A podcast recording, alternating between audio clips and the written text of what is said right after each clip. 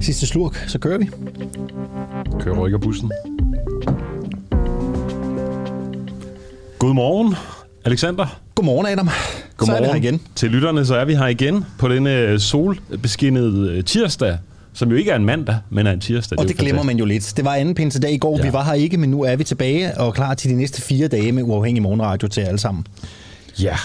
Og jeg ved ikke, var du ude at se fodbold i går? Øh, nej, det var, jeg, øh, det var jeg ikke. Jeg er ikke den store fodboldmand, øh, men jeg er selvfølgelig bevidst om, hvad det var, der skete i går. Det er klart, det kan man næsten ikke øh, have undgået at bemærke. Det er noget med, at Brøndby vandt. Det gjorde de. De vandt 2-0 over øh, FC Nordsjælland og kan jo dermed kalde sig danske mestre i 3F Superligaen. Ja. Og de vandt den da på hjemmebane. Og det er sådan noget, det er, det er ikke sket siden 2005, altså 16 år siden, så det er jo en øh, stor begivenhed på Vestegnen og øh, alle mulige andre steder i Danmark selvfølgelig. Øh, fodbolddirektøren Carsten V. Jensen får dermed 100 millioner kroner mellem hænderne, og det er jo et kæmpe rygstød i forhold til at øh, lægge, øh, hent, indhente noget af den økonomiske afstand, der er op til FC Midtjylland og København. Jeg øh, har været journalist i en del år, og har også haft fornøjelsen af at være ude og sende øh, live-tv og live-radio fra sådan nogle store begivenheder, som, som sådan noget, der lignede det i Brøndby. Ikke? Så da jeg sad og så øh, tv-avisen i går aftes, og den efterfølgende sportsudsendelse, så kunne jeg godt se, at han var lidt presset, ham der, den gode reporter, der stod derude, ikke? fordi folk hang om nakken på ham og kyssede ham på kinden og alt muligt andet. Der var nemlig vild fest Der var i smæk på, Brøndbys ja. gader i går. Faktisk var op mod 10.000 mennesker samlet øh, ude foran Brøndby Stadion op til kampen. Og det var de jo blandt andet, fordi de havde meldt en demonstration, en demonstration øh, mod de adgangskrav, der er på øh, de danske fodboldstadions. De vil simpelthen have flere folk tilbage på stadion. Og det fungerer jo sådan, at når man melder en demonstration, jamen, så er der jo ikke noget loft for, hvor mange man må samles. Og lige nu der er forsamlingsloftet udenfor jo på 100 mennesker. Ja, og det er jo simpelthen for at sikre vores øh, grundlovsrettighed- rettigheder, altså det her retten til at demonstrere, også i under en pandemi. Øh, men vi kunne alligevel godt tænke os at høre jeres mening derude, øh, om det er okay, at, samlet, øh, at 10.000 mennesker står samlet til en demonstration under en pandemi. Øh, specielt når det handler om fodbold måske. Vi vil rigtig gerne høre fra dig. Du kan skrive ind til os. Som altid, så fatter du din mobiltelefon. Så skriver du DUA, D-U-A-H, laver et mellemrum, kommer med din besked, og så sender du den afsted til øh, 12.45, og så glæder vi os øh, til, at, øh, til at tage den op her i programmet. Det her det er en morgen, Adam, hvor vi også skal tale lidt om, øh, hvad der sker på Sydfyn og Langeland lige nu. Lidt senere får vi en update på, hvordan øh, debatten den ligesom bevæger sig der i det øh, sydfynske øhav oven på øh, udmeldingen sidste uge om, at øh, 130 udviste asylansøgere, der tidligere er dømt for kriminalitet, ser ud til at skulle øh, mod øh, Langeland. Og så skal det jo også handle om øh, pædagoguddannelsen i dag. Fordi pædagogstuderende de får åbenbart 12-taller, selvom de ikke er enige i deres stof. Det ses der igennem fingre med, øh, når de blandt andet ikke møder op til præsentationer, og de kan tilsyneladende også lade være med at aflevere deres opgaver. Det har politikken i hvert fald afdækket, det de talte med en tidligere studerende her for nylig. Vi mangler øh, pædagoger i Danmark, det siger dekanen for øh, Professionshøjskolen i øh, København til politikken, men hun afviser, at man lader studerende slippe for let igennem. Vores kollega Oliver Fruergaard, han har talt med flere af de nuværende studerende, der har en anden opfattelse. Der er rigtig mange, der kan slippe rigtig nemt igennem uddannelsen. De dukker bare lige op til at blive råbt op, og så smutter de igen, for at deres fravær ikke bliver for højt. Det har man kunne se inde på Zoom. Så kan man jo se, hvor mange deltagere der er øh, i Zoom-opkaldet. Man kan få lov til at, at lade være med at læse det, hvis man ikke mener, det er vigtigt nok. Min fornemmelse er, at der ikke er helt vildt store konsekvenser forbundet med at ikke få læst. Både hvis jeg selv ikke har læst, og også bare sådan klassediskussioner. Jeg synes ikke, det er det største faglige niveau. kan man lade være med at møde op til en præsentation, for eksempel, og så stadig gå videre. Ja, ja, ja, ja der er der, det sker der, at der er nogen, der bliver forhindret af den ene eller den anden årsag til at komme, eller vælger ikke at komme. Det tror jeg nu ikke, at størstedelen vælger aktivt at lade være med, men, men det sker der. Ja, her var det jo øh, vores reporter Oliver Fruergaard, der var forbi Campus Carlsberg, hvor mm. pædagoguddannelsen i København holder til. Vi skal høre mere derude fra senere, hvor vi også snakker med dekanen Anne-Grethe Jul, og øh, så får vi også en gæst i studiet. Det gør vi. Vi får faktisk en tidligere pædagogstuderende, som kan fortælle lidt om, hvordan han oplevede vilkårene på øh, uddannelsen. Og han er altså ikke helt uenig med de øh, studerende, vi hørte i, øh, i Voxpoppen her. Og det er jo lidt interessant, Adam, fordi der er jo mangel på øh, pædagogstuderende i, øh, i, øh, i Danmark. I årvis der er antallet af ansøgere til uddannelsen faldet, og øh, rigtig, rigtig mange af pladserne på uddannelsen, de bliver faktisk fyldt op med studerende, der ikke har fået plads på deres første prioritetuddannelse. Så det, der lidt bliver spændende i dag, det er jo at se, om vi kan blive klogere på, om man simpelthen øh, fra uddannelsens side lader folk komme igennem, fordi der er en efterspørgsel på lige netop pædagoger. Det forhåber vi, vi kan blive øh, klogere på.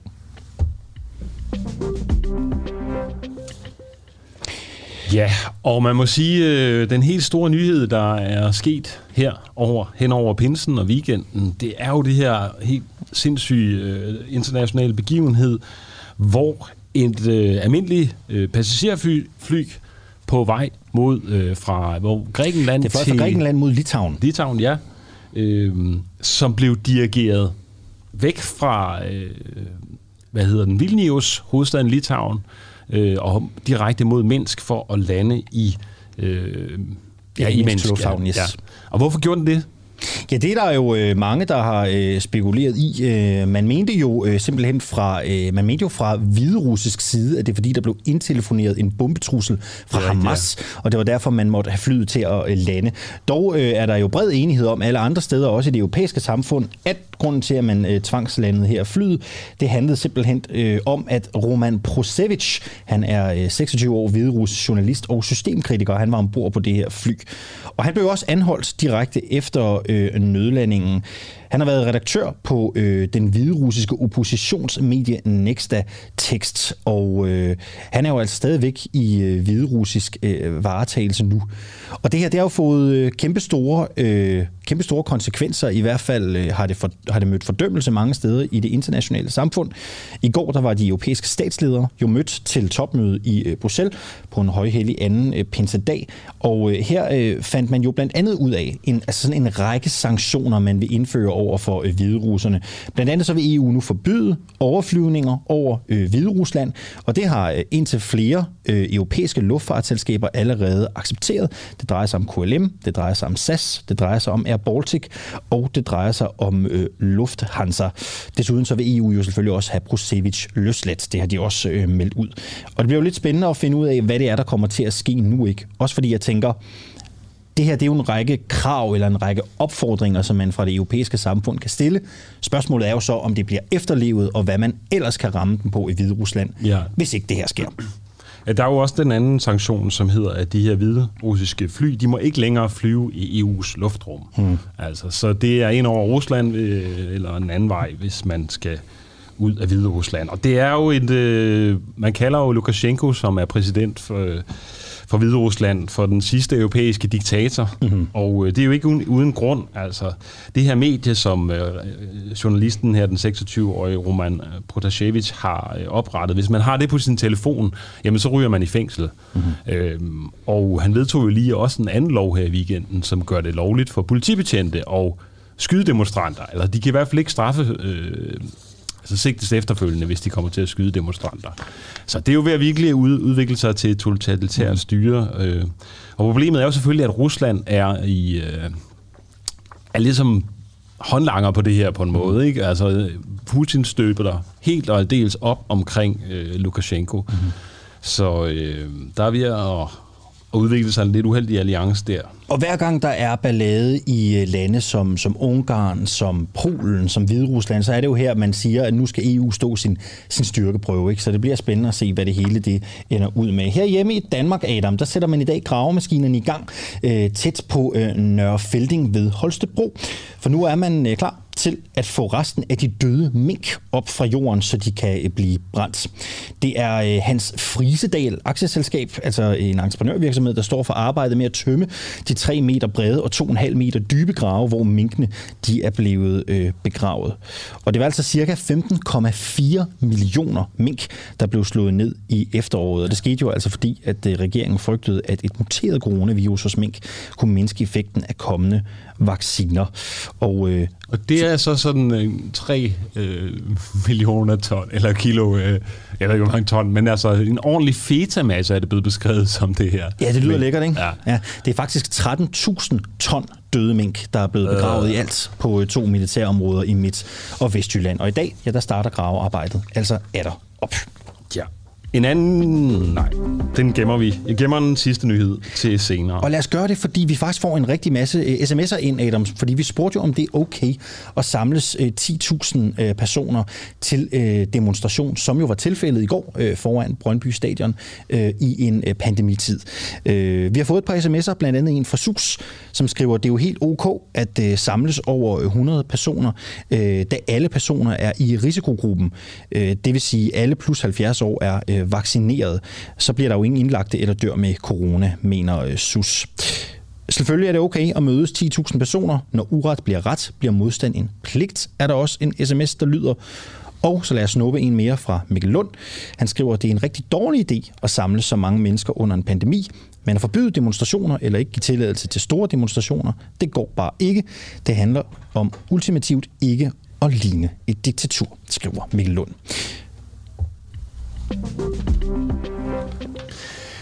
Ja, nu skal vi til noget helt andet. For at, for at spare 8,5 millioner kroner om året har et flertallet i Folketinget besluttet, at politiet ikke længere skal bruge en dommerkendelse for at få adgang til din privatøkonomi.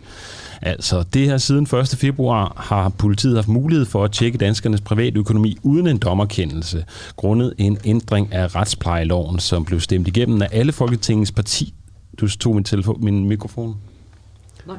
Jeg tror, øh, du, forsvandt, du forsvandt lige et, et Der var en- øjeblik, Adam. Jeg kan ikke høre noget. Nej, det er måske min høretelefoner, du har drillet. Ja. Jeg tror, der, jeg tror, du er igennem. Jeg kan i hvert fald høre det tydeligt. Alright, men det er altså... Øh, jeg kan ikke høre mig selv, men det går nok. øh, det blev stemt igennem af alle Folketingets partier med undtagelse af Venstre og Liberal Alliance. Hovedargumentet for lovændringen er altså at spare penge på processen. Øh, besparelsen skal bruges til at finansiere det nye politiforlig.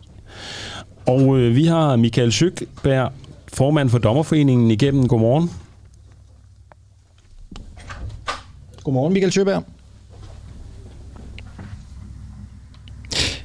Han tror, er vi vist kæmper- ikke helt... Nej, han er ikke. Han er- han er der et øh, sted. Han er der et øh, sted. Vi prøver Øhm. igen. Michael Sjøberg, er du med her til morgen? Formand for Dommerforeningen. Det er han ikke, Adam. Desværre. Men du ved du hvad, du har jo en, øh, du har en ekstra nyhed, Adam. det har kan være, at vi lige skal nyhed. tage den, indtil vi får Michael Sjøberg igennem. Ikke? Så øh, oplyser vi lige lidt mere på, hvad der sker ude i øh, den store verden. Ja, og øh, det er jo det her med, at øh, eksperter frygter en national miljøbombe. Man har fundet gift i oksekød. Øh, det skriver øh, Jyllandsposten her i weekenden. En sag om en mulig forgiftning af 181 borgere i Kursør får Miljøstyrelsen og eksperter til at efterlyse undersøgelser af flere hundrede brandøvelsespladser over hele landet. Altså det, der er sket, er, at øh, der ligger nogle marker ved siden af sådan en øh, sted, hvor man laver brandøvelser, hvor man bruger øh, de her ildslukker, pulverslukker og sådan noget. Og der er åbenbart et eller andet giftigt stof, øh, et kraftfremkaldende fluorstof, der hedder PF, OS, øh, FOS, eller hvad det, hvordan det udtales. Mm. Og øh, det er så sivet ned i grund, øh, vandet på en eller anden måde, og så har køerne spist det med igennem deres græs, og nu er der så 181 borgere i Kursør, der er øh, har fundet det her, man har fundet det her gift hos dem. Der er otte andre lokaliteter i landet, øh, som er ved at blive undersøgt, og øh, på syv af dem er det sundhedsskadelige stof fundet. Så øh, der er mange, der kalder det en øh, miljøskandale. Det gør professor i miljømedicin på Syddansk Universitet i hvert fald, øh, Philip Grandjean. Vi skulle være tilbage ved, ved Dommerforeningen, og, øh, Og vi formanden lige, øh, derfor, Michael Søgren, Lige præcis, og vi kan jo lige genopfriske. For at spare 8,5 millioner kroner om året, ja, så har et flertal i Folketinget altså besluttet, at politiet ikke længere skal bruge en dommerkendelse for at få adgang til at kigge i øh, din og min øh, privatøkonomi. Og spørgsmålet er jo så, hvad man siger til det i Dommerforeningen. Michael Søberg, godmorgen. Godmorgen. Ja, nu er jeg igennem. Ja. dejligt. I er jo kritiske over for den her lovændring, som trådte i kraft 1. februar. Hvorfor er I det? Altså, jeg vil først og fremmest sige jo, at dommer, de retter sig jo efter loven, som, som den er, og som den er vedtaget. Og, og vi sondrer jo meget mellem, hvad der er politik, han er sagt, og hvad der er jura. Men, men, men her har vi altså sat foden ned, fordi vi siger, at det går ud over retssikkerheden. Altså, det er helt fundamentalt, når man laver indgreb mod øh, private borgere, øh, at øh, det kan politiet ikke bare, det kan den udøvende magt ikke bare foretage sig.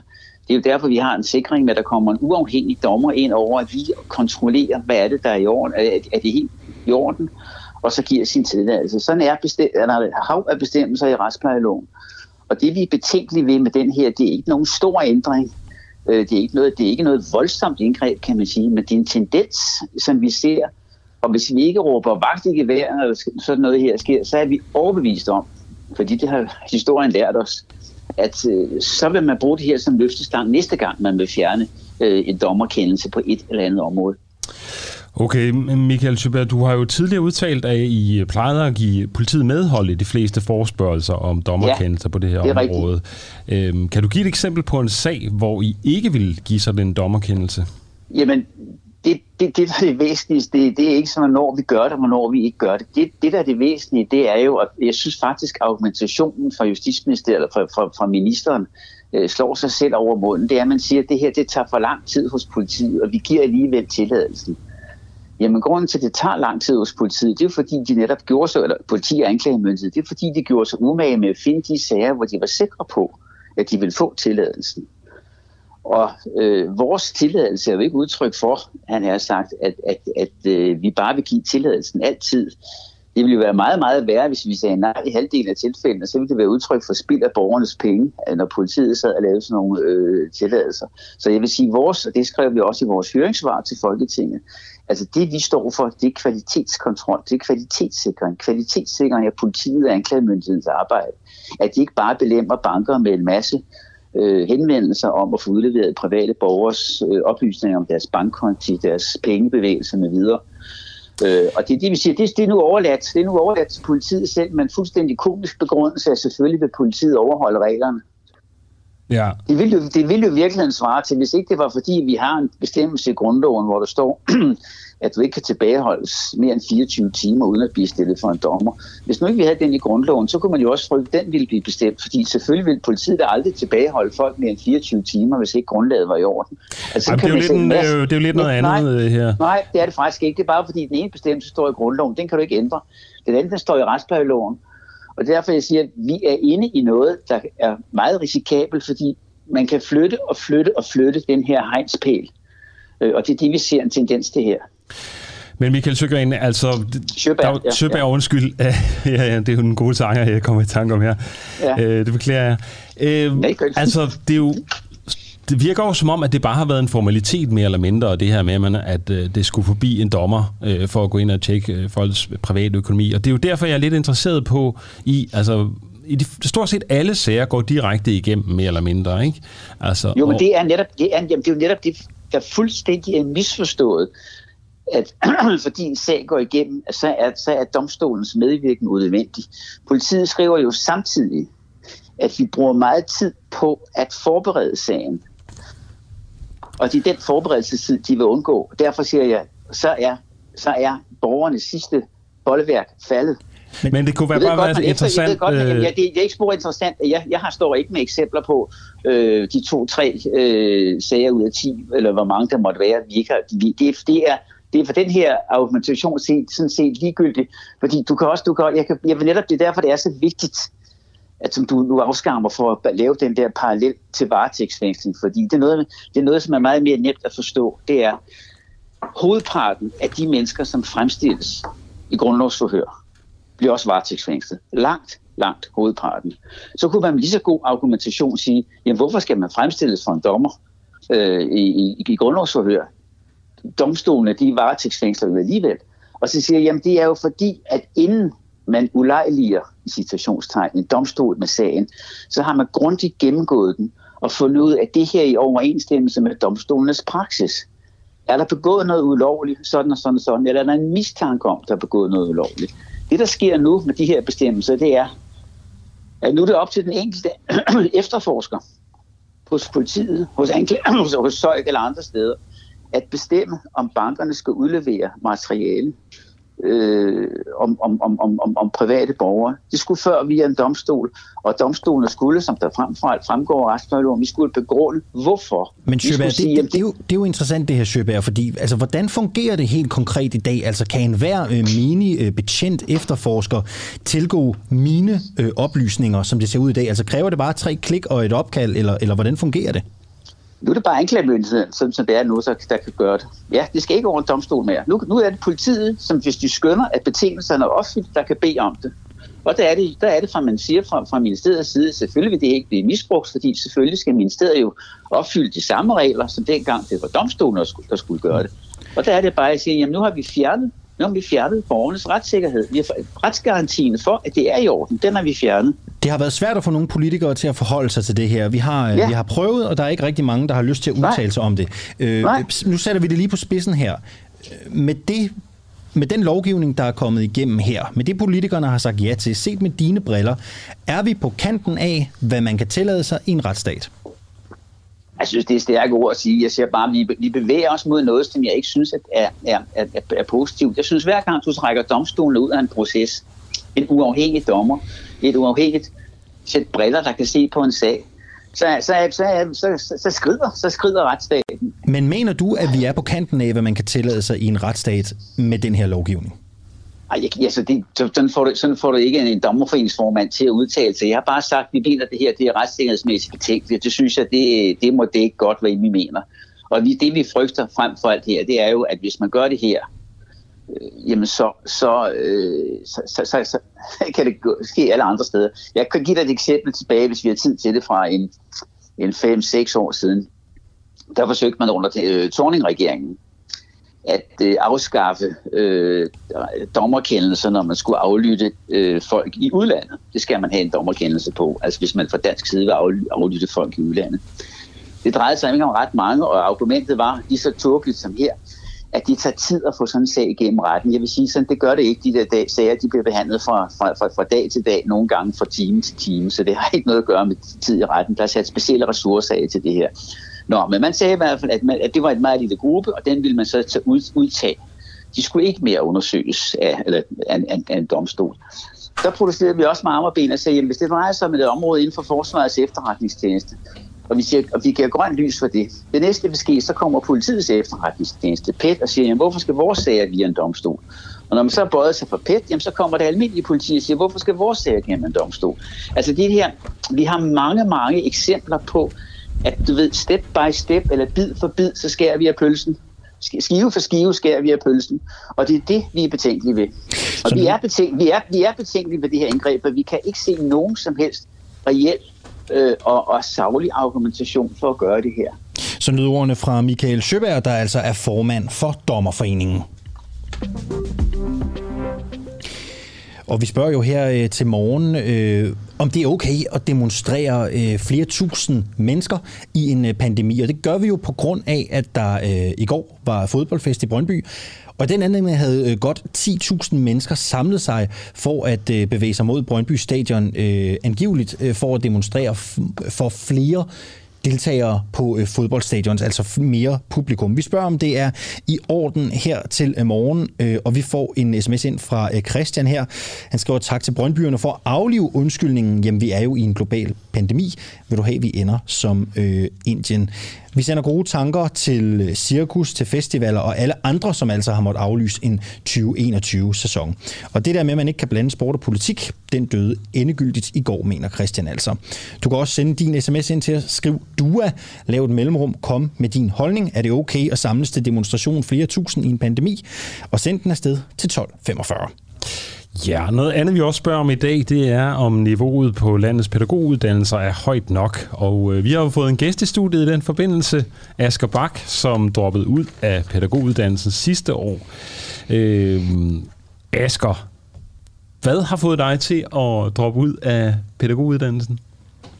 Jamen, øhm, Undskyld, jeg skal lige tænde for dig. Var, det var slut 2019. Bare så det er på plads. Yes, mm. ja. øhm, jeg droppede ud af pædagoguddannelsen, og det gjorde jeg, fordi at... Øh, altså, jeg, jeg tror... Øh, jeg stoppede simpelthen med at være, være stimuleret i forhold til at gå der, fordi jeg synes ikke, at... Øh, jeg synes ikke, jeg blev, blev udfordret eller stimuleret. Øh, og jeg synes generelt, at det faglige niveau var, var for lavt. Og jeg synes, at... Øh, øh, hvad hedder det... Øh, ma- mange timer var, var, var fyldt med noget, der ikke gjorde mig til en dygtigere pædagog. Hvad var de fyldt med? Øh, det kunne være, at man øh, brugte rigtig mange timer på at lege, for eksempel. Det, det er jo sådan meget... Øh, øh, hvad skal man sige... Øh, meget, meget, meget pædagogagtigt at, at, at, at stå i en rundkreds og, og lege, for eksempel, men, men hvis man ikke kobler det op på, sådan, hvor, hvor, hvorfor noget er en god aktivitet for nogle børn, for eksempel, eller, eller hvor, hvor, hvorfor er det vigtigt, at vi, vi gør sådan her, øhm, så blev det for, for mig at se lidt noget gøjl. Øhm. Men altså, kan man ikke sige, at det også er sådan lidt studerendes eget ansvar at sørge for at læse op på sine ting og gå i dybden og selv stimulere sig intellektuelt? Hvis, øh... Jo, jo, jo, men jeg synes også, det er uddannelsens ansvar at, at lægge det frem for det, altså præ- præsentere de studerende for det. Øhm, så jo, jo, og, og, og jeg synes faktisk også, at jeg, jeg, jeg læste op på mine ting, og, og, og for så vidt også øh, teori, der var uden for pensum, øh, da jeg gik på pædagoguddannelsen. Øhm, men, men jeg synes, jeg mistede noget motivation, hvis der ikke kom noget fra studiet også. Grunden til, at vi tager det her op, det er jo også, fordi øh, politikken har afdækket øh, niveauet på øh, pædagoguddannelsen. Det har de gjort her i de forgangne uger. Derfor tager vi det op her i, i Den Uafhængige. Øh, Asger Bak, hvordan oplevede du dine medstuderende? Øh, det, det, er en, det er en meget blandet skare, som, så, så det, det er svært at sige noget helt generelt, men, men øhm,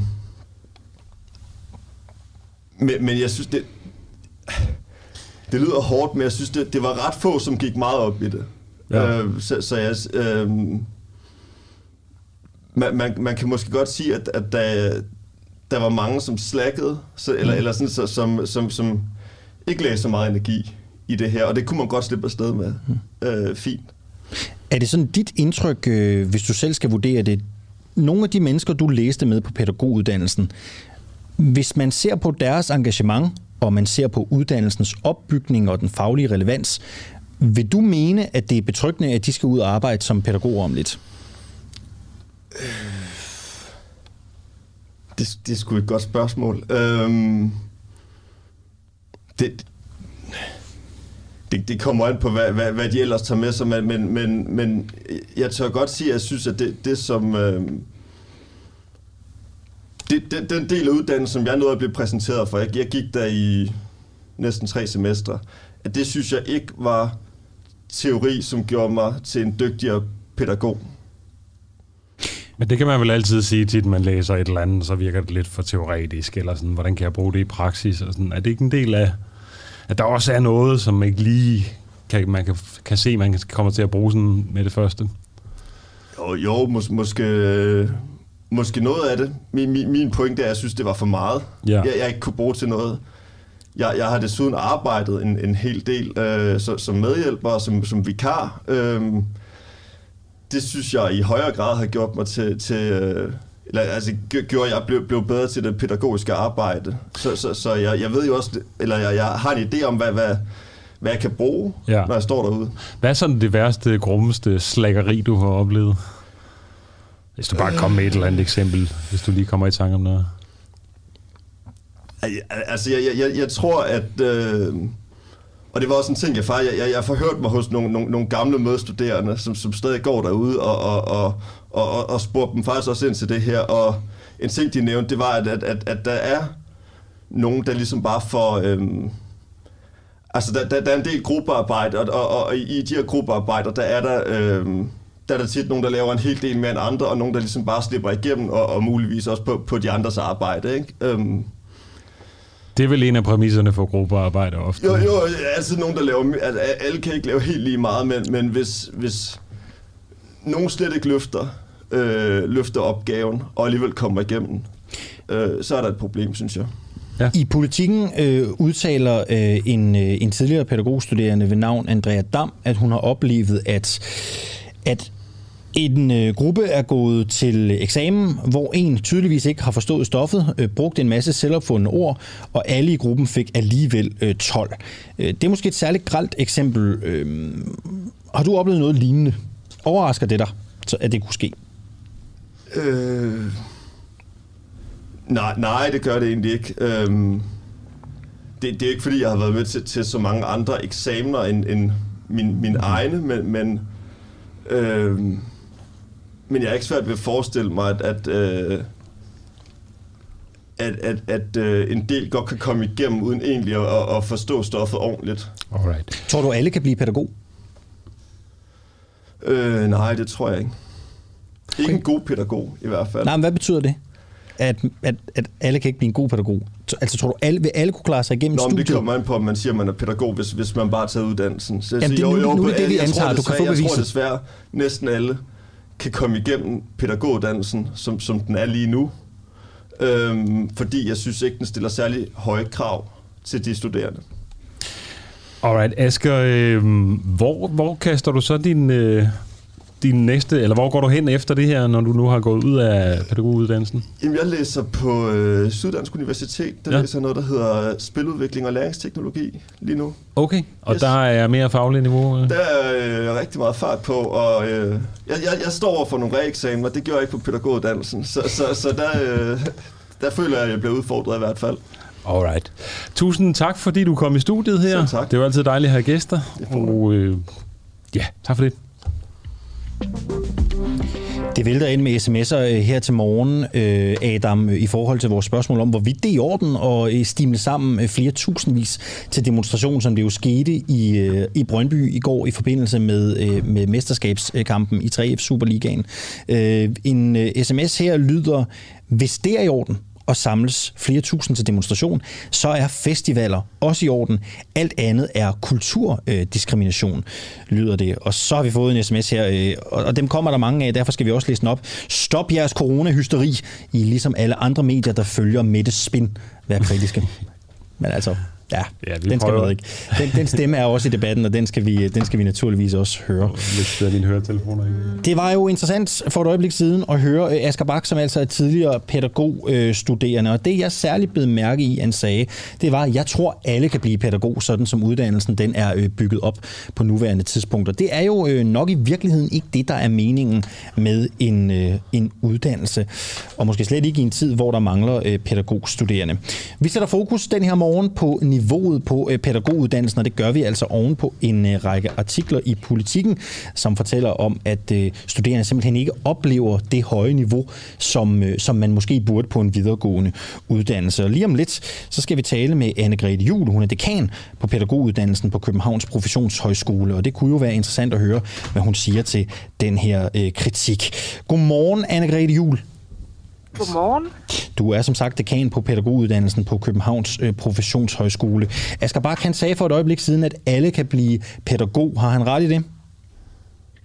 Ej, det har han, øh, det har han bestemt ikke øh, øh, ret i. Der er en lang række ting, som man skal igennem på øh, pædagoguddannelsen. Øh, og så vil jeg også sige, så skal man jo have motivationen øh, og engagementet. Det er jo helt afgørende. Ja, men altså nu har man jo i politikken blandt andet kunne læse historier om, at, at man kan få 12 til eksamen, selvom man måske ikke har lavet det store. Man kan komme op og fyre en præsentation med selvopfundne ord af, og så kan stadigvæk alle få øh, 12. Øh, Hvordan er det ikke at slippe for nemt gennem en uddannelse? Ej, men nu øh, kan man sige, så sidder jeg jo også med en lang række data øh, fra alle eksamenerne på pædagoguddannelsen. Mm. Øh, og derfor ved jeg jo lidt mere indgående, mm. at, øh, at det er jo rigtig beklageligt, at der har været den type tilfælde, men det er bestemt ikke det hele øh, billede på pædagoguddannelsen. Men vi har jo været ude at tale med øh, flere studerende. Vi var jo ude og, øh, og høre en, øh, og, og, og tale med nogle studerende for, for et par dage siden. Lad os lige prøve at høre, hvad, hvad de egentlig sagde. Kan man lade være med at møde op til en præsentation, for eksempel, og så stadig gå videre? Ja, ja, ja, ja. Der er der, det sker da, at der er nogen, der bliver forhindret af den ene eller den anden årsag til at komme, eller vælger ikke at komme. Det tror jeg nu ikke, at størstedelen vælger aktivt at lade være med, men, men det sker da. Og hvad sker der så med dem? Ikke noget, så vidt jeg ved. Så er det bare det. Med præsentationer, der siger du, man kan lade være med at møde op, og så bliver det sådan, så, så ser man gennem fingre med det. Øh, men nogle få har der været, ja. Vi har lige været op og fremlægge, og der var der en gruppe, hvor der var en, der var blevet syg, øh, hvor de så ikke mødte op og fremlagde i dag til vores afsluttende i, øh, i det her modul, vi er i gang med. Ikke? Men er så stadig gået videre ja, de kommer til at gå videre ligegyldigt hvad. Og de kommer nok heller ikke til at fremlægge på noget tidspunkt. Der er rigtig, rigtig mange, som får lov til at hoppe med på de andres, og øh, lærerne opdager dem ikke rigtigt, dem som der kommer meget, meget nemt ud, gennem uddannelsen. Øh, jeg var i gang med noget eksamen på et tidspunkt, hvor at jeg havde en i min gruppe, som øh, ikke lavede noget som helst, og vi skulle hele tiden rette hendes til og skrive hendes til, øh, hvor det endte med, at hun skrev en lille bitte del af en kæmpe opgave, øh, hvor vi andre måtte bære slæbet. Men, men det skete mange gange, øh, sådan noget der i den dur.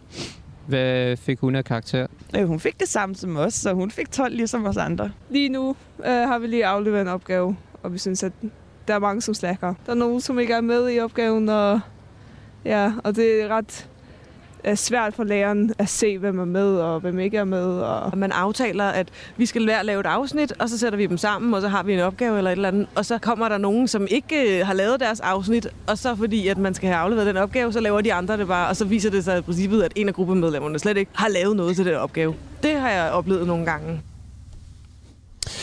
Ja, Anne-Grethe Juhl, øh, lyver de studerende, når de siger, at øh, man kan lade være med at aflevere sin opgave og blive væk fra præsentationer, nøjes med at møde op på Zoom, blive råbt op og så ikke få fravær, og derfor smutte igen, og også få 12 til eksamen, selvom man ikke har forstået stoffet?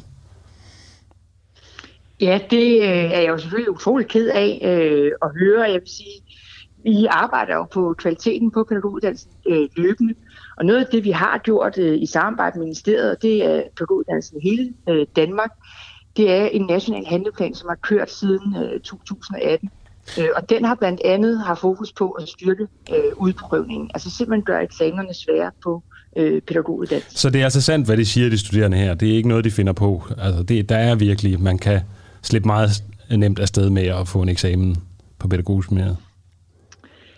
Nej, altså det vil, jeg, det vil jeg bestemt ikke sige, øh, at, at det er sandt på den måde, men det er jo den de oplevelse, de har. Øh, og det kan jeg jo ikke øh, tage frem. Mm. Øh, men, men der er et, øh, et, øh, et andet billede, hvis du kigger ned i evalueringerne af undervisningen, hvis du også kigger på for eksempel Tænketanken DEAS dimittentundersøgelse, hvor øh, dagtilbudslederne øh, evaluerer de nyansatte pædagoger og deres kompetencer, så peger den type undersøgelse blandt andet på, at de faktisk er ret dygtige, når de kommer ud fra uddannelsen. Og det ville de jo ikke være, hvis de havde snydt sig hele vejen øh, igennem. Nu øh, har du tidligere øh, udtalt over for politikken, at øh, det her med de studerende, der slipper for lidt igennem, det er en kritik, du ikke kan genkende. Nu øh, har vi talt med flere studerende, det gjorde vi i sidste uge, som siger, at der er altså eksempler på, endda flere eksempler på, at, at det er for let at komme igennem, og man endda kan, øh, altså man endda kan slippe ved øh, nærmest ikke at møde op. For det dig til at ændre din holdning? Jamen, jeg tror på, at nogle af de initiativer, vi har i gang, altså lige om lidt, så har vi øh, mødepligt på hele første år ja, af men du, men, men, men, men du svarer ikke på mit spørgsmål. For, for det, du bliver øh, præsenteret for her til morgen, for det der til at ændre holdning i forhold til, at det er for øh, let at, at komme igennem studiet? Altså, jeg vil sige det på den måde. Jeg er jo nødt til at arbejde datadrevet. Jeg er jo nødt til at se på de evalueringer, som øh, kan man sige, dækker alle de 6.000 pædagogstuderende, øh, som vi har på vores uddannelse, ikke bare nogle stykker. Og der peger resultaterne øh, en anden vej. Men det er klart, det gør jo kæmpe indtryk på mig, når der er studerende, der fortæller de her øh, historier. Og det er helt klart, at det er noget, som jeg vil gå tilbage i min organisation og kigge nærmere på. Øh, er det her rent faktisk sådan, øh, som det foregår, eller øh, eller er det et lidt andet, mere nuanceret billede? Anne-Grethe Juhl, nu er du selv dekan på pædagoguddannelsen, det vil sige, at du sidder i ledelsen, men der er jo en lang række undervisere, som sidder og, og varetager undervisningen, og sensorer også, der fører studerende til, øh, til eksamen. Når øh, der til synligheden er studerende, der kan komme øh, igennem præstationer ved at, at, at gå op og lige en, en, en præsentation fyldt med selvopfundne ord af og få 12. Øhm, hvad synes du så om kvaliteten blandt, blandt undervisere og eksamen på uddannelsen? Jamen altså med til historien hører jo også, at pædagoguddannelsen er øh, den historisk mest underfinansierede øh, uddannelse.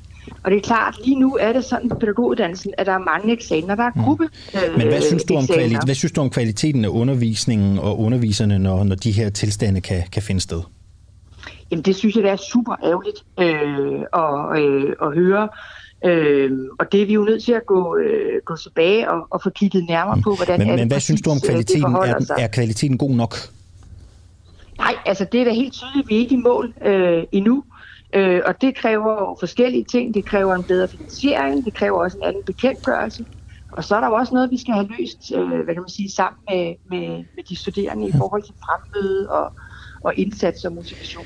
Øh, Det er jo ingen hemmelighed, at der mangler øh, pædagoger i, øh, i Danmark. Det er en faggruppe, der er, øh, der er akut behov for, øh, og, og derfor kan man jo også få, øh, man kan også få en, en idé om, at I måske øh, slækker på kravene til de studerende, fordi der øh, så akut mangler uddannede pædagoger. Er det ikke rigtigt?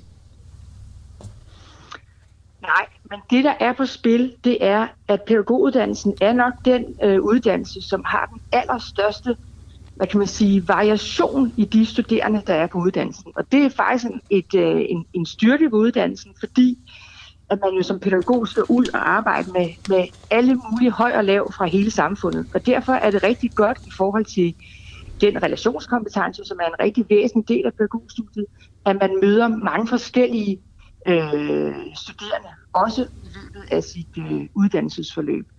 Men det er også noget af det, som øh, er med til at øh, hvad kan man sige, gøre det vanskeligt, fordi du skal som underviser differentiere over en meget divers, altså differentiere din undervisning over en meget divers øh, studiepopulation.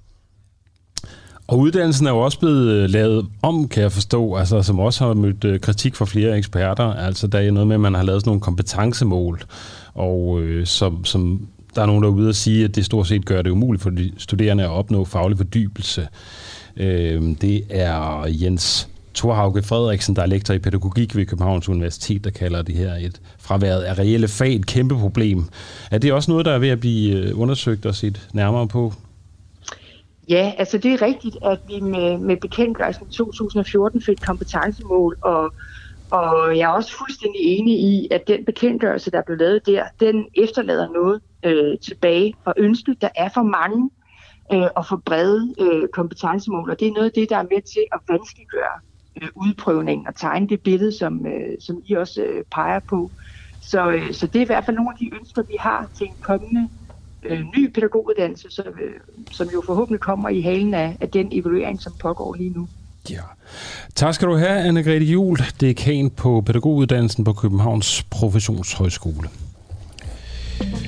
Og nu er det jo øh, pædagoguddannelsen, vi er gået efter, Adam, øh, men der er altså kommet sms'er fra folk, der har kendskab til andre uddannelser. Anders skriver, hej den uafhængige, det er ikke kun pædagoguddannelsen, lærerseminaret er på præcis samme måde. Man kan sjuske sig lang vej igennem, uddannelsen er desværre helt til grin. Sofie skriver også til os, jeg har gået på tre forskellige universiteter som led i min uddannelse. På alle universiteterne var der gruppearbejde, og på alle universiteterne var det muligt ikke at bidrage med gruppearbejdet og stadig få samme karakter som de øvrige gruppemedlemmer. Det kan være, at vi næsten har til en, til en hel kampagne her om, hvad det egentlig kræver at blive, øh, at blive studerende og få et, øh, et eksamensbevis i, øh, i disse tider. Ja, der er også en kommentar her fra Facebook, hvor øh, der er en, der giver ret. De studerende ret i kritikken. Pædagoguddannelsen er meget ringe. De pædagoger, der lukkes ud, er ikke ret dygtige til fysisk arbejde. Øh, så mere lærerundervisning og gennemføre stopprøver. De studerende har ret, alt andet er sludder, så hun kan godt stoppe sit floptale. Det må være en henvisning til Anne-Grethe Juhl. Ja. Bland dig i debatten. Du skriver DUA på din telefon, laver et mellemrum, kommer med dit øh, indspark. Også meget gerne skriv, om det er okay og samles flere tusind mennesker til demonstration, som det var tilfældet i Brøndby i går i en pandemitid. Og så sender du din kommentar afsted til 1245. Nu skal vi til en, øh, til en traver, som vi har beskæftiget os med en hel del her på den øh, uafhængige, øh, og øh, med god grund jo. Fordi Langeland står til at skulle huse omkring 130 udviste og tidligere dømte udlændinge på Holmegård i øh, Bagenkop. Sidste uge var øh, Mathias øh, Tesfaye øh, afsted til Langeland og blev mødt med et ordentligt hyle- og øh, pivekor. Men spørgsmålet er jo så egentlig, hvordan øh, den her debat den kører i de øh, lokale sydfynske medier lige nu. Godmorgen, Rikke Bækker. Godmorgen. Du er chefredaktør på Fyns Amtsavis. Hvor meget går man her en uge efter og taler om det her tema på Langeland og Sydfyn generelt? Man taler rigtig meget. Jeg nærmest vil sige, det er det, der fylder øh, rigtig meget nærmest det hele lige nu. Især øh, fordi der er busser på vej afsted mod øh, København i, øh, i her, ja, her, de tager afsted her til formiddag øh, og vil ind og, og ja, vise deres utilfredshed øh, på Slotspladsen, inden der er møde i aften med alle, alle udlændingeordførende. Så det er noget, der fylder rigtig meget, og vi har måttet sætte ekstra plads af øh, i papiravisen til at få plads til alle de her læserbrev, der er. Det er meget hæftigt, selvfølgelig også på Facebook og i vores digitale udkom. Du er jo øh, selv øh, lederskribent også, og du er selv bosiddende på Sydfyn gennem, gennem mange år. Øhm, Rikke ja. sådan set fra din egen stol og dit kendskab til lokalområdet, er det en god idé at placere et udrejsecenter øh, på Sydlangeland? Øh, sådan som vi ser det herfra, øh, så er det noget af et ret voldsomt eksperiment at gøre.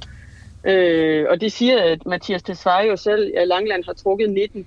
Og hvis man ser på, øh, hvad, hvad Langeland har været igennem, altså jeg bor ikke på Langeland, jeg bor øh, uden for Svendborg, men hvis man ser på, hvad Langeland har været igennem øh, de seneste år, og hvordan at centraliseringen har ramt netop den ø, og så alt, øh, alle strukturændringer i øvrigt, altså nedgang for virksomheder og øh, lukkede øh, færgeruter og øh, centralisering, uddannelser er flyttet væk. Alt det her er sket, så det man har tilbage øh, på Langeland, det er den næststørste andel af førtidspensionister. Er det ikke øh, rigtigt, uh, Rikke Becker, at uh, ja. sidste år, der var Langlands borgmester uh, Tony Hansen fra SF uh, ønskede lige frem at få et udrejsecenter til Langeland? Det jo, var han i hvert fald ude at sige til, uh, til TV2-nyhederne. Ja, det, det er vi også blevet klar over nu, og det, det øh, læserbrev har vi også her, og det øh, skal vi selvfølgelig have kigget meget mere på, fordi det er jo interessant, hvis, øh, hvis SF-borgmesteren ligefrem selv har ønsket det. Jeg kan godt se, at det han ønskede, det var familieafdelingen. Det var det, han tilbød.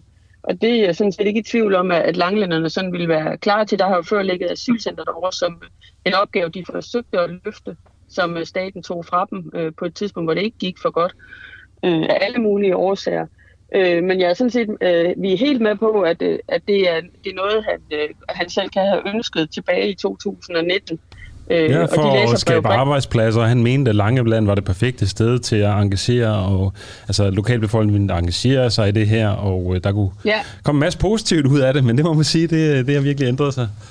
Den Jamen, altså, og det har også været, det har været langlændernes tilgang, og det tror jeg simpelthen også, det ville være, øh, hvis det var en mindre del. Øh, men, men samtlige 130 Øh, det, er det virker simpelthen for voldsomt for folk i, i det lokalområde, der bor, altså ned omkring Bangkok, hvor der bor omkring øh, 460 mennesker.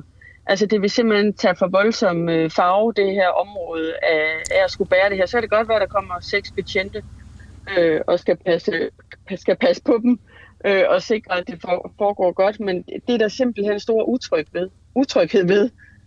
Øh, og jeg tror, altså, ja. Vi havde Søs Marie Serup igennem i øh, fredags, den, den politiske kommentator, og hun ja. sagde noget, der faktisk var ret interessant. Øh, hun sagde, jeg er faktisk ikke sikker på, at det udrejsecenter nogensinde havner på Langeland, og hun var heller ikke sikker på, at det egentlig var planen, at det skulle det.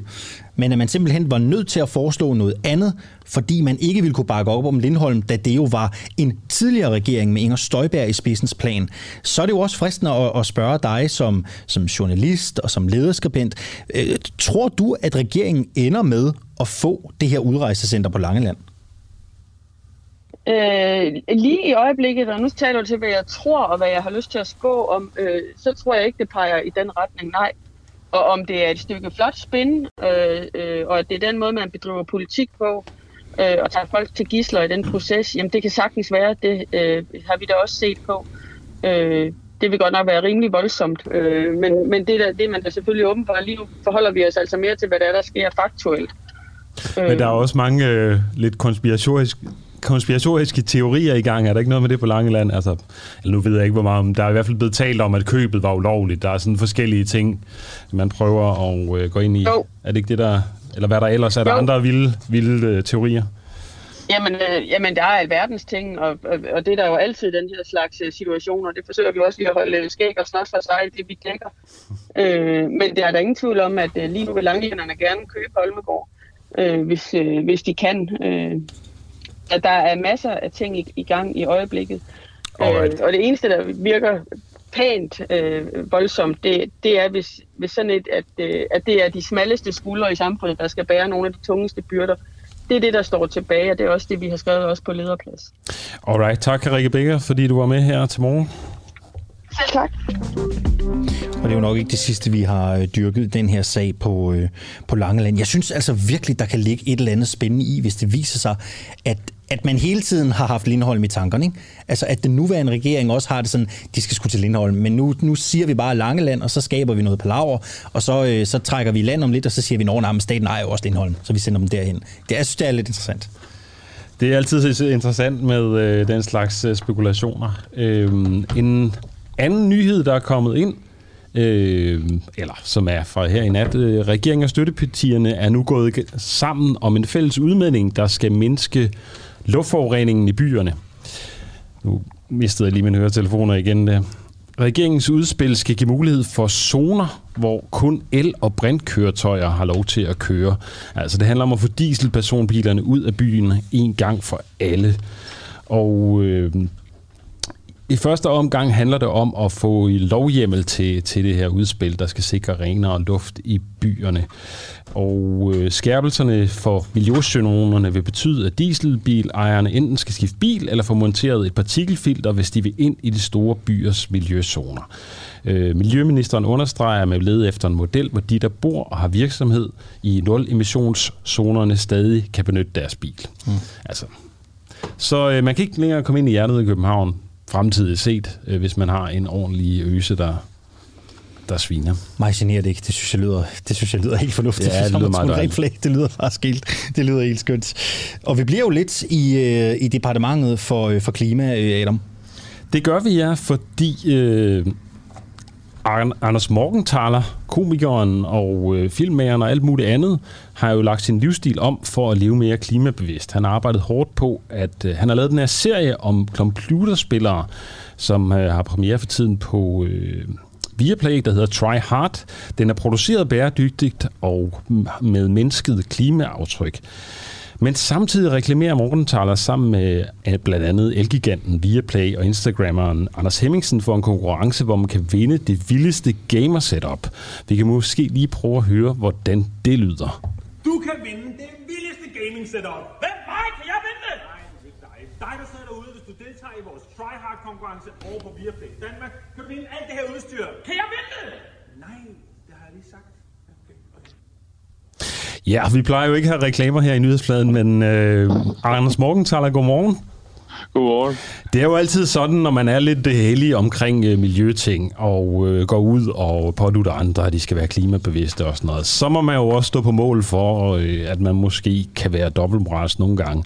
Er det det, der er tilfældet? Altså, vi er jo lidt ude efter at finde ud af, om, om, øh, om det er okay, at man kan prædike klimavenlig livsstil, og så samtidig gøre reklame for en livsstil, der er blandt de største klimasøndere. Altså, det her med internettet, det sviner jo faktisk lige så meget som lufttrafikken, har man fundet ud af. Er det dobbeltmoralsk? Ja, ja selvfølgelig er det. Okay. Altså, så vi kan bare slutte den der. Ja. Hvorfor gør du det så? altså, så, så, så på den måde er der jo ikke... Det er jo svært for os alle sammen overhovedet at ligesom foretage os noget, hvis vi vil lave noget om, og så ikke stå i situationer, hvor, hvor tingene er, er enten hyklerisk eller dobbeltmoralsk. Så, så altså, det, at stå og reklamere for et gamersæt øh, til en gamerserie, ja, selvfølgelig er det dobbeltmoralsk der. Ja. Men, øh, og og ja. hvad, hvad fortryder du så, at du har reklameret for, for de her ting? Nej, det gør jeg ikke. Altså, øh, den der, man kan sige, en del af at lave det, jeg laver, det er, at øh, jeg er nødt til ligesom at spise nogle kameler, ligesom alle andre er det. Og man kan sige, jeg har jo også været igennem en udvikling fra der, hvor jeg laver min klimatestamentet, som handler om mit personlige forbrug sammen med familien, og så over til at netop finde ud af, at du kan ikke løse alle tingene alene. Du er nødt til at løse det i noget reguleret kapitalisme. Ikke? Og det, Men er det, er, det, er det nødvendigt for dig? Altså, er det sådan en virkelig nødvendig kamel, kamel at sluge, at du bliver nødt til at... Altså, skal du reklamere for de her miljø? Nej, nej, nej. Jeg, produkter? Jeg, har selv fundet, jeg har selv fundet på det. Altså, det er mig, der har fundet på, at vi skulle samle gamerudstyr til det. Og jeg kan sagtens se det, det paradoxale i det. Altså, så, så altså, jeg, øh, jeg har ikke noget, altså, hvor jeg sådan prøver at forsvare det, hvis det er det, der bliver hørt. Morgen Thaler, altså. øhm, er, er du ked af, at vi har taget det her op? Altså, er, er du ked af, at vi sætter fokus på det? Nej. Jeg synes, det er totalt relevant. Altså, jeg laver en serie om gaming, fordi det er relevant i forhold til sådan nogle samfundsmæssige ting øh, og fordi det er et sjovt univers. Og man kan sige, altså, hvis du skal tage den klingende op, ikke? Så, øh, så hvis du tager den nyeste Siri-rapport der for i dag, så er det jo, øh, hele verden skal digitaliseres, fordi det er, vil gøre alt øh, mere øh, bæredygtigt på sigt, fordi du kan overvåge meget bedre alt muligt andet, ikke? Og du, du skal elektrificere hele verden lige meget hvad. Så, så alting skal elektrificeres, det skal gøres alt det der. Plus at der kommer over den her kæmpe store diskussion om, hvor meget skal vi sænke vores øh, vaner, altså eller hvor meget skal vi lave vores vaner om, for at tingene øh, passer, ikke? Og der er det klart, der, der, der bliver sådan en masse certificeringer, der bliver en masse valgmuligheder på tingene, ikke? Jeg skal lige lukke en hund ud af en dør, okay? Det er helt fint. Altså, ellers så står den, og, den er også en klimabelastning, ikke? Så, øh, så, øh, så alt, øh, alt øh, kollapser i det her interview. Nej, pointen er, pointen er, at selvfølgelig er, er der nogle ting, man foretager sig, som er paradoxale, men, øh, men altså, det der er det vigtigste er jo, at vi skal have de her øh, elektrificering i verden, og så skal vi til at have de her reguleringer. Og det absolut vigtigste i den sammenhæng vil være en CO2-skat. Ikke? Altså fordi det vil, det vil, det vil sænke vores øh, netop sådan noget som øh, streaming og gaming og alt sådan noget der, fordi du, altså Google og alle de andre store, der, og Amazon, der laver cloud-based øh, servers, er jo dem, der skal gøre deres datacenter øh, grønne, ikke? Okay, så det er de andre, der skal, der skal løse situationen? Nej, nej. Man skal det, ikke holde op med at game, øh, mener du? Jamen altså, du skal selvfølgelig ikke uh, game konstant, hvis det er det, lige så vel som du ikke skal streame konstant og sådan noget. Og det er jo netop det, der er balancen. Øh, men derfor synes jeg stadig, det er interessant at lave en serie om gamer og den samfundsmæssige øh, impact, det har. Øh, det synes jeg godt, man ja. kan gøre samtidig. I din serie gør du på nogen måde opmærksom på øh, den forurening, som øh, online-spillene øh, producerer? Øh, det tror jeg ikke, nej. Det er bare, når man kigger ind på øh, din hjemmeside til, du har jo det her firma, der hedder Den Grønne Rejse, der arrangerer klimavenlige mm-hmm. rejser. Og selv hjemmesiden der, altså står der jo reklame for, at den, øh, den er udviklet efter bæredygtige webdesign-principper. Altså den er nem at indlæse og lavet meget simpelt, sådan, så det ikke sætter aftryk på klima.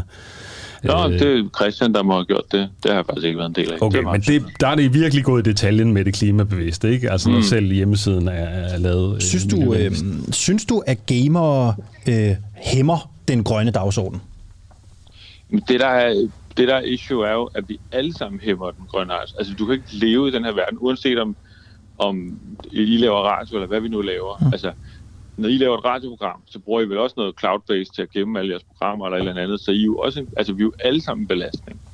Så, så ideen om, at vi som, det der er den store nøgle, og det er der, hvor hele det her hyggeleriske øh, ting kommer, det er, at vi skal på den ene side lave tingene om, og samtidig skal vi kunne øh, agere i en vis ting. Og du kan godt skrue en masse ting ned. Du kan fjerne kode, du kan fjerne flyrejse, du kan gøre alle mulige ting.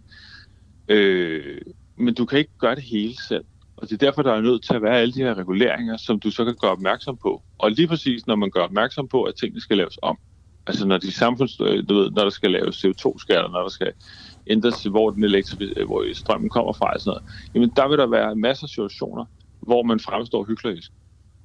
Altså, så gamer, ligesom alle andre, har jo en pointe i, at de skal være en del af det, øh, af, af hvad hedder det, omstillingen. Ikke? I den her sammenhæng med serien der, der giver det ikke nogen mening lige der at gøre opmærksom på det. Men altså, hvis det, min, min, man kan sige, min mission med Tryhard-serien har været at gå ind og prøve at lave noget, hvor gamer vil se det sammen med andre. Og jeg har virkelig gerne vil øh, lave nogle ting på det, som er en del af universet, som kan gøre opmærksom på alle mulige ting. Og der har for eksempel en, en masse toksiske øh, hvad hedder det, kønsrollemønstre, som også skal laves om. Men altså, Try Hard-film er jo produceret bæredygtigt og med mindsket klimaaftryk og sådan noget. Det er der trods alt gjort noget ud af at formidle. Kunne man så ikke også formidle noget om, hvor, altså, hvor, hvor forurenende internettet jo. og særligt gamingindustrien er? Det kan man sagtens gøre. Alright. Men, det, men det er jo bare svært at få med i, øh, i alle de elementer, hvis man gerne vil øh, vinde uh, publikums loyalitet i det her. Men altså, nu håber jeg, at den bliver så populær, så man kan lave en to og en treer, og så øh, er der jo plads til at at gå ind og arbejde med det derinde. Og det er bestemt en det ting, jeg tænker i det. Men det siger alle jo. Alle siger, at det gør vi en anden dag. Klart. Så, øh, Her til sidst. Øh, Anders Morgenthaler, vil du stoppe med at reklamere for miljøbelastende produkter og ydelser i fremtiden? Ja, men altså... så, Vi stiller det hårdt op. Ja, nej. Vil du stoppe med det, eller vil du fortsætte? Meget. Jeg står foran en kamera med nogle pakker for øh, noget, og siger, hey, det her kan du vinde. Ja. Men altså, basically har du selvfølgelig ret. Altså, men, men jeg vil ikke sige, jeg har ikke modtaget penge for det. Altså, hvis jeg stillede mig op i, i bedste sendelse på TV2 og reklameret for en eller anden computer, så kunne det godt være, at vi skulle have en lidt større snak om, hvordan mit liv hang sammen. Alright, tak for snakken. Ha' en god dag. Vi har fået en sms, den siger lige netop øh, hans klimashaming og andre i debatten og andre steder, gør nok hans reklame til øh, årtidets hyggeleri, bliver der øh, lige frem sagt. Adam, øh, vi er ved at være færdige for i dag. Vi har ikke så meget mere at byde på i øh, dagens program. Tak til alle jer, der har bidraget med sms'er og andet godt.